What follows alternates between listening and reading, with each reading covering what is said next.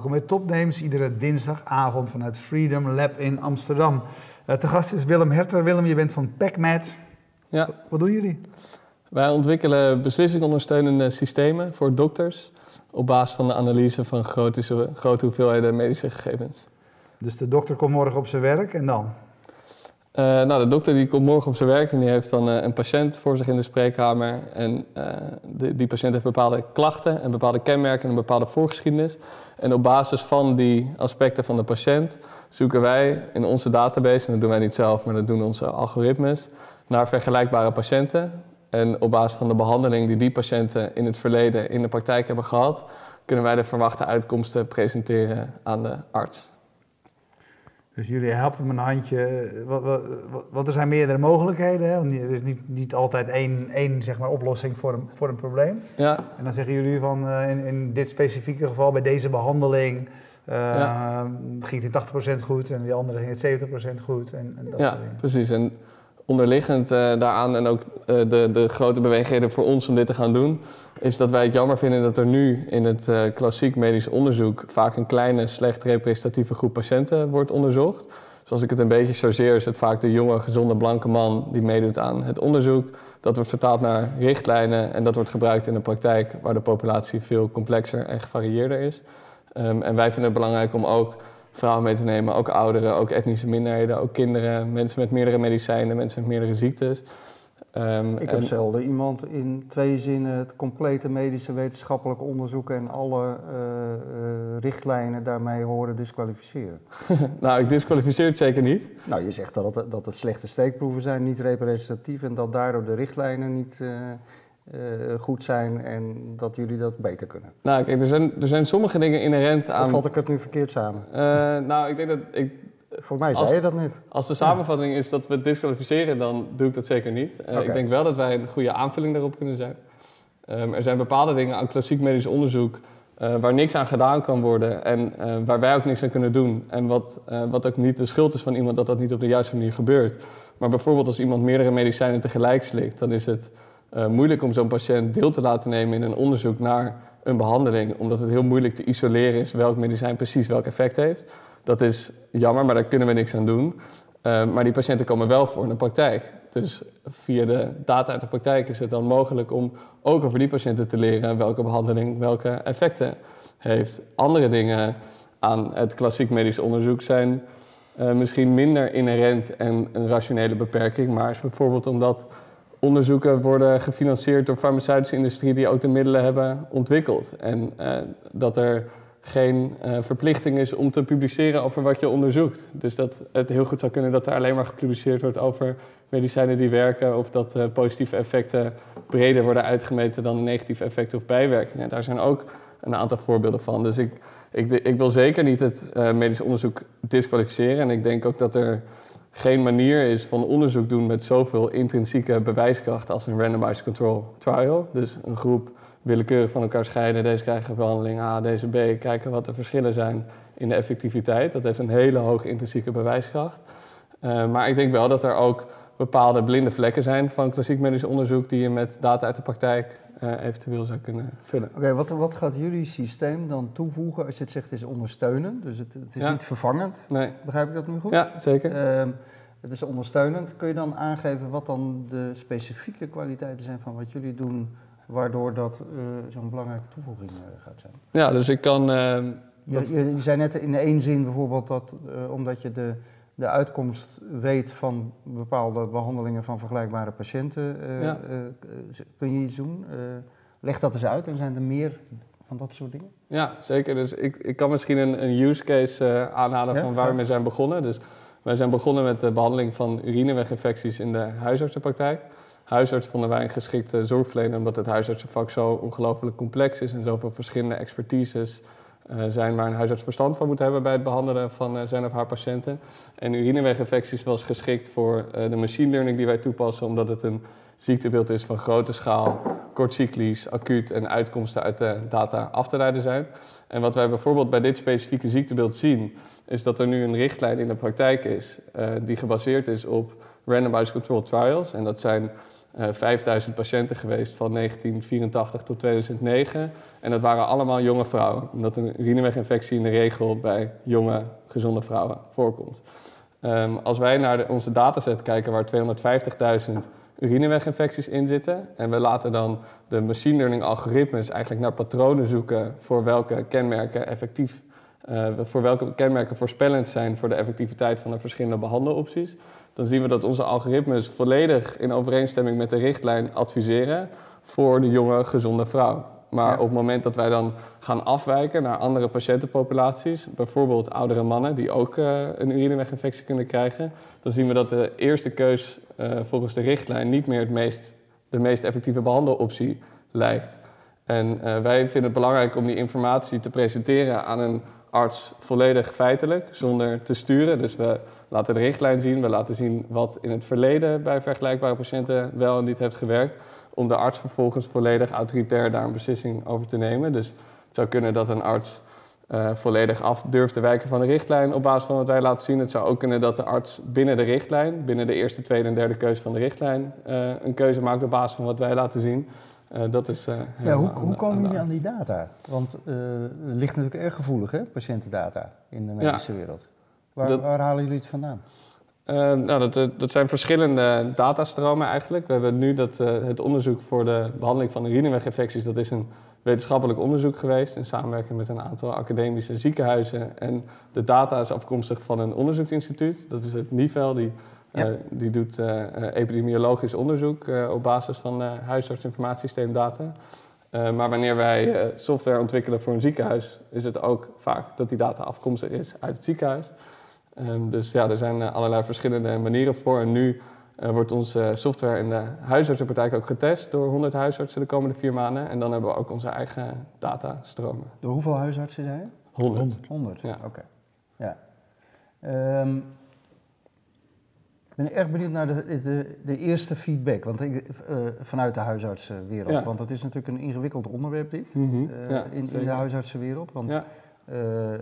Eén, weet je, het gebruik van data. De, de, de, de, huisartsen vinden ook vaak dat ze zelf, weet je wel, de, de autoriteit hebben om dat te doen. En dat dat zeker. heel lastig te vervangen is door algoritmes of, of dat soort zaken. Hoe, hoe is de feedback?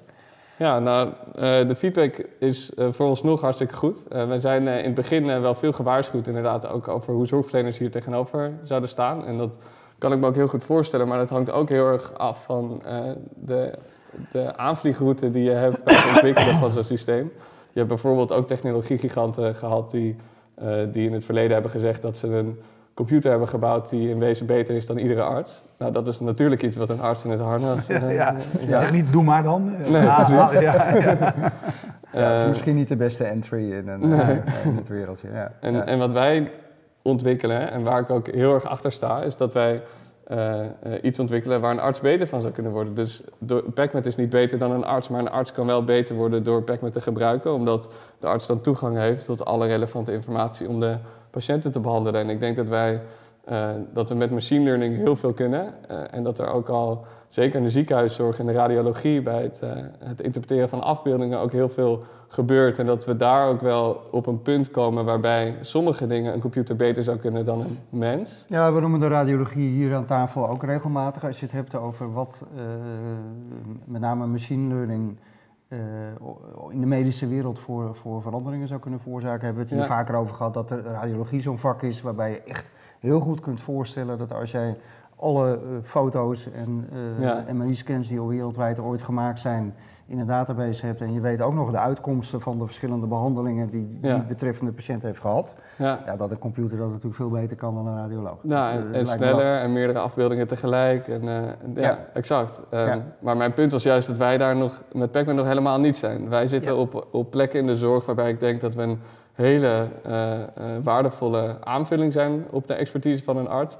Maar uh, bijvoorbeeld ook de behandeling van een urineweginfectie in de huisartsenpraktijk en eigenlijk bijna alles in de huisartsenpraktijk is van zoveel verschillende dingen afhankelijk wat gewoon niet in een dataset uh, is te vangen of in een software. Dus wij, wij hebben de dokter wel heel hard nodig om ons te helpen bij het nemen van die beslissing uiteindelijk. Ja. Hey, hoe, hoe ziet dat er straks uit? Uh, hebben jullie een, zijn jullie software as a service waar de arts zijn vraag in kan stellen of zijn foto in kan uploaden? Of, Hoe, gaat dat straks in de praktijk? Of, hoe, of, heeft de huisarts die nu meedoet aan jullie pilot een, uh, een, grote computer staan waar al jullie kennis en kunde et cetera in zit?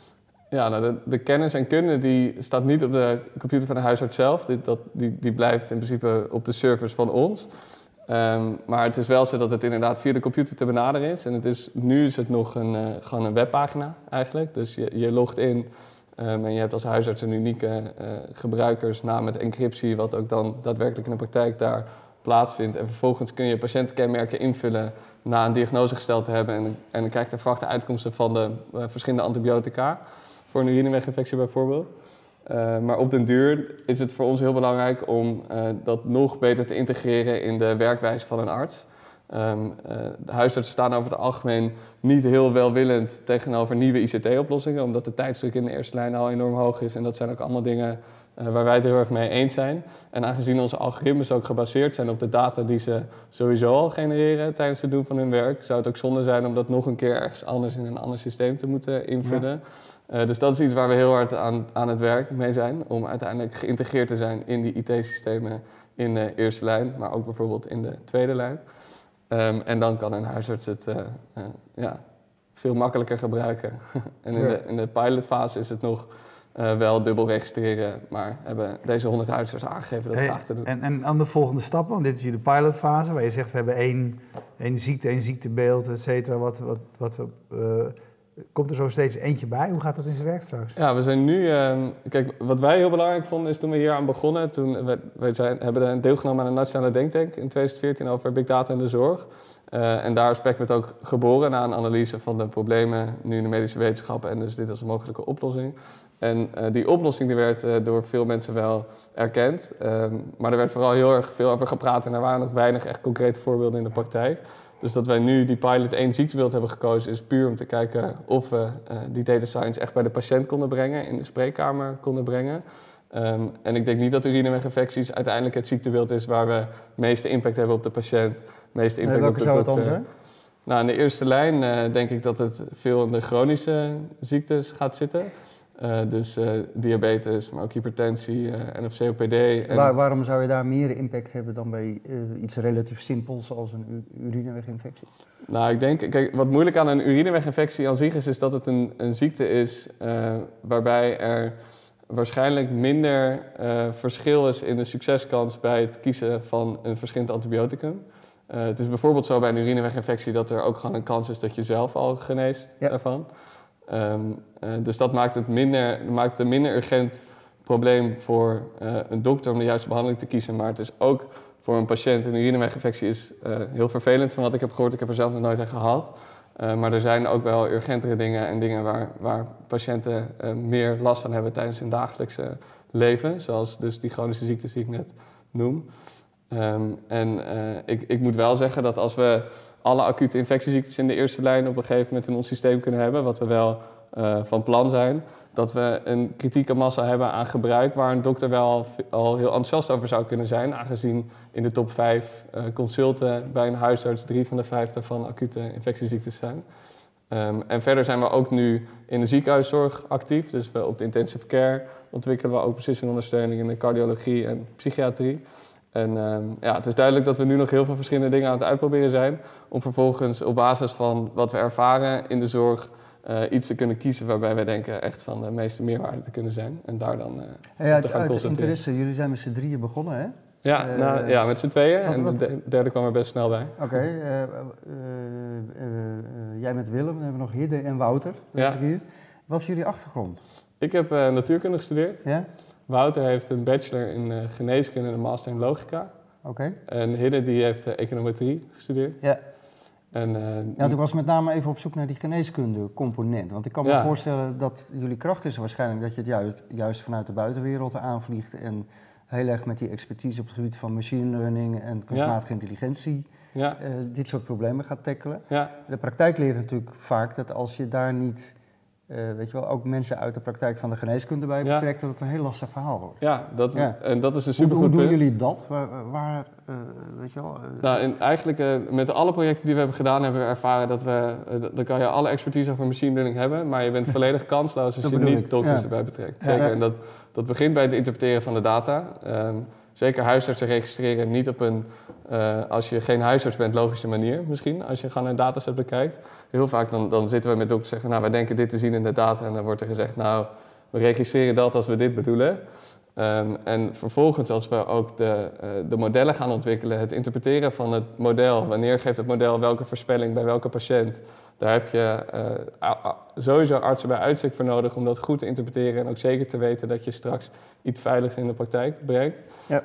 Um, dus in de ontwikkeling van nieuwe modellen betrekken we daar artsen bij. Zitten we iedere week met een panel om te bespreken wat we aan het doen zijn. Maar ook binnen het bedrijf uh, zijn we dat wel uh, aan, het, aan het aannemen. Dus kijk, de kern is heel erg data science. We hebben denk ik vier data scientists uh, aangenomen nu de afgelopen maanden. Maar ook nu eindelijk onze eerste in-house dokter die part-time ons ondersteunt. Ja. maar dat is een heel goed punt. Dat is extreem belangrijk. Ja. jullie hebben behoorlijk wat mensen al, al werken. Hoe, hoe, hoe hebben jullie dit gefinancierd? Ja, we, hebben, we zijn gestart in september 2015. Toen hebben we een bescheiden investering uh, opgehaald, die nu inmiddels ook op is. En uh, de groei, dus wat ik vertelde over de mensen die we hebben aangenomen, we hebben in de afgelopen tien maanden dus negen mensen aangenomen. Um, en dat hebben we allemaal kunnen financieren uit marges van projecten die we doen in de ziekenhuiszorg, maar ook bijvoorbeeld de pilot die we in de eerste lijn doen, wordt uh, gefinancierd door drie van de vier grote zorgverzekeraars. Mm -hmm. um, dus uh, ja, daar zijn we wel heel blij mee dat we dat zelf kunnen doen. Ik sluit niet uit dat we ook op een gegeven moment weer een volgende investering ophalen. Uh, maar dan willen we iets meer zeker zijn over welk pad we daadwerkelijk willen versnellen. Dat we ook de groei die een investeerder graag uh, ziet kunnen waarmaken.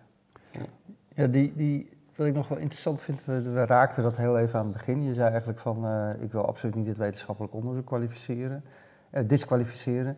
Eh, maar het is natuurlijk toch zo dat uh, binnen die gezondheidszorg, jij noemde ze ook al even, er zijn uh, richtlijnen, dat weet niet iedereen. Mm. het Nederlands Huisartsengenootschap ja. maakt die bijvoorbeeld hè, voor de huisartsen. Ja. En in principe zijn dat gewoon richtlijnen hoe een huisarts, best practices, hoe je patiënten zou moeten ja. behandelen. Die richtlijnen zijn gebaseerd op wetenschappelijk onderzoek. Ja.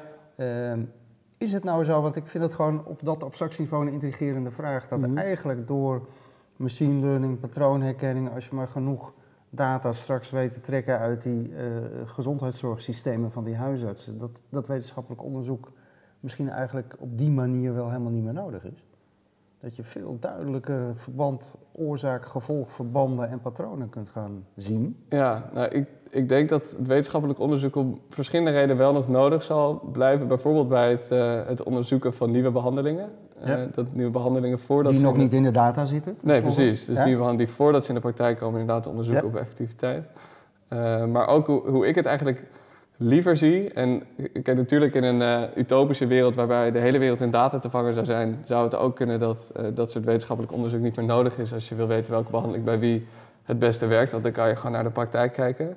Uh, maar dat is nog niet zo. En hoe ik het nu graag zie is dat wij met onze algoritmes hypotheses genereren die vervolgens in zuiver wetenschappelijk onderzoek nader onderzocht kunnen worden. Dus wij hebben bijvoorbeeld in ons onderzoeksteam urinewegeffecten. Ja, precies. Dan worden dus de uitkomsten van jullie worden de uitgangspunt of hypotheses voor ja, toekomstig onderzoek. En, en, die richtlijnen dan, want daar, weet je, daar, daar, wordt veel in geïnvesteerd. Dat is echt de basis bijna van die huisartsenzorg. Ja.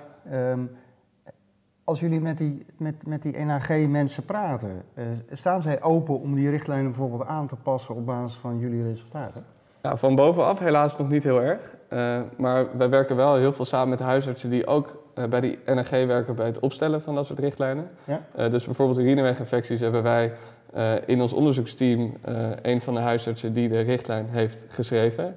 En uh, in, in ons onderzoeksteam was bijvoorbeeld het effect van bepaalde antibiotica voor oude mannen die niet in het wetenschappelijk onderzoek voorkwamen, reden tot heel veel discussie. Uh, ze werden het eigenlijk niet over eens waarom dat dan zo zou zijn.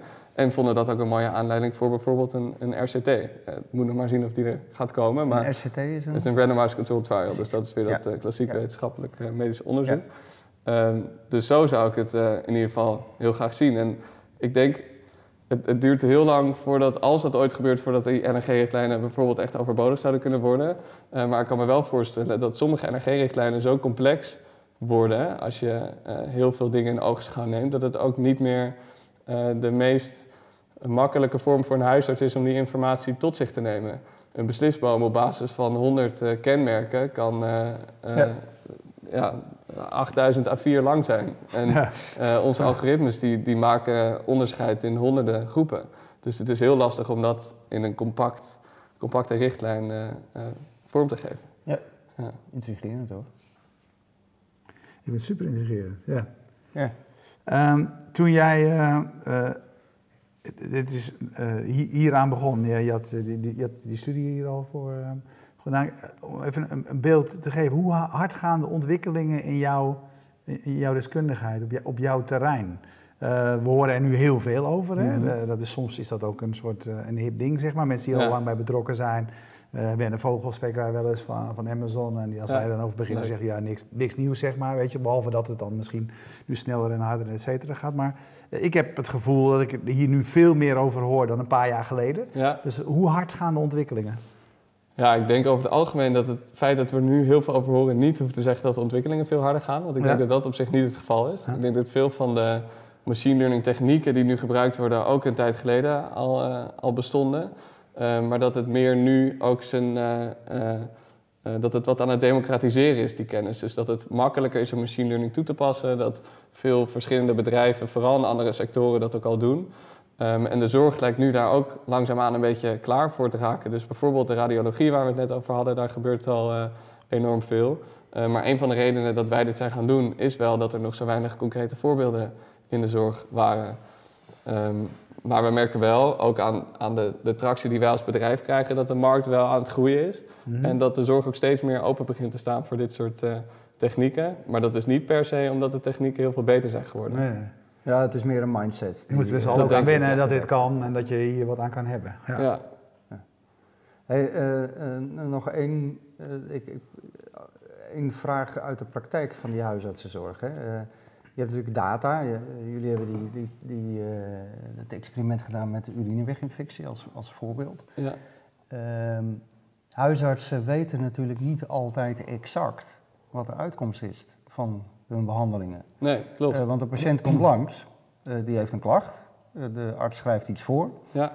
en als het goed is, komt die patiënt dan niet meer terug. Mm -hmm. dus daar staat meestal in het dossier, dus in de data, niet nee. wat de uitkomst is. Ja. Dat is wel de data waar jullie mee werken. Hoe kun je dan in godsnaam die algoritmes daarop leggen? Ja, nou, dat is een hele slimme vraag. En dat is ook onderdeel van heel veel kopzorgen van ons binnen het bedrijf. En een van de belangrijke onderdelen van het, het, kiezen van een geschikt ziektebeeld is ook of die uitkomstmaat zuiver uit de data af te leiden is. Dus bijvoorbeeld om het uh, voorbeeld van urineweginfecties weer te gebruiken, is dat als er een patiënt komt met urineweginfectie gerelateerde klachten, Ehm, en vervolgens een behandeling krijgt, een antibioticum. En we weten dat die patiënt niet is komen te overlijden of naar een andere dokter is gegaan, maar ook binnen een maand niet is teruggekomen voor een nieuwe behandeling. Dan kunnen wij dus uh, concluderen dat die behandeling succesvol was. Ja, ja er zit dus een aanname onder, terwijl je ook weet, want dat zei aan het begin al, dat urineweginfecties heel vaak vanzelf ja, overgaan. En dat is dan onzuiverheid in je data, zeker weten. Ja. En uh, kijk, ik, kijk, over het algemeen denk ik dat er nu in de zorg die feedback loop sowieso helemaal ontbreekt, uh, wat heel erg zonde is. Dus een huisarts schrijft dingen voor en van een heel groot gedeelte van de patiënten weet de huisarts niet of de behandeling nee, is Die doen dezelfde aanname als jij namelijk, dat als je niet terugkomt dan uh, ja, precies. zal het goed zijn. Ja, en heel vaak is dat niet zo. Terwijl heel veel dingen gaan ook nog vanzelf over, dat maakt het nog ja, ingewikkelder. exact. Nee, het is zeker complex. En uh,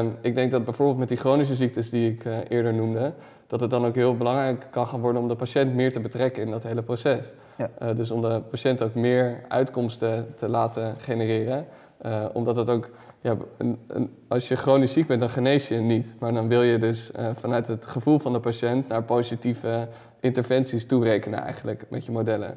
En daarbij ja, gaat dat gewoon steeds belangrijker worden. Ja. ja. Fascinerend. Heel fascinerend.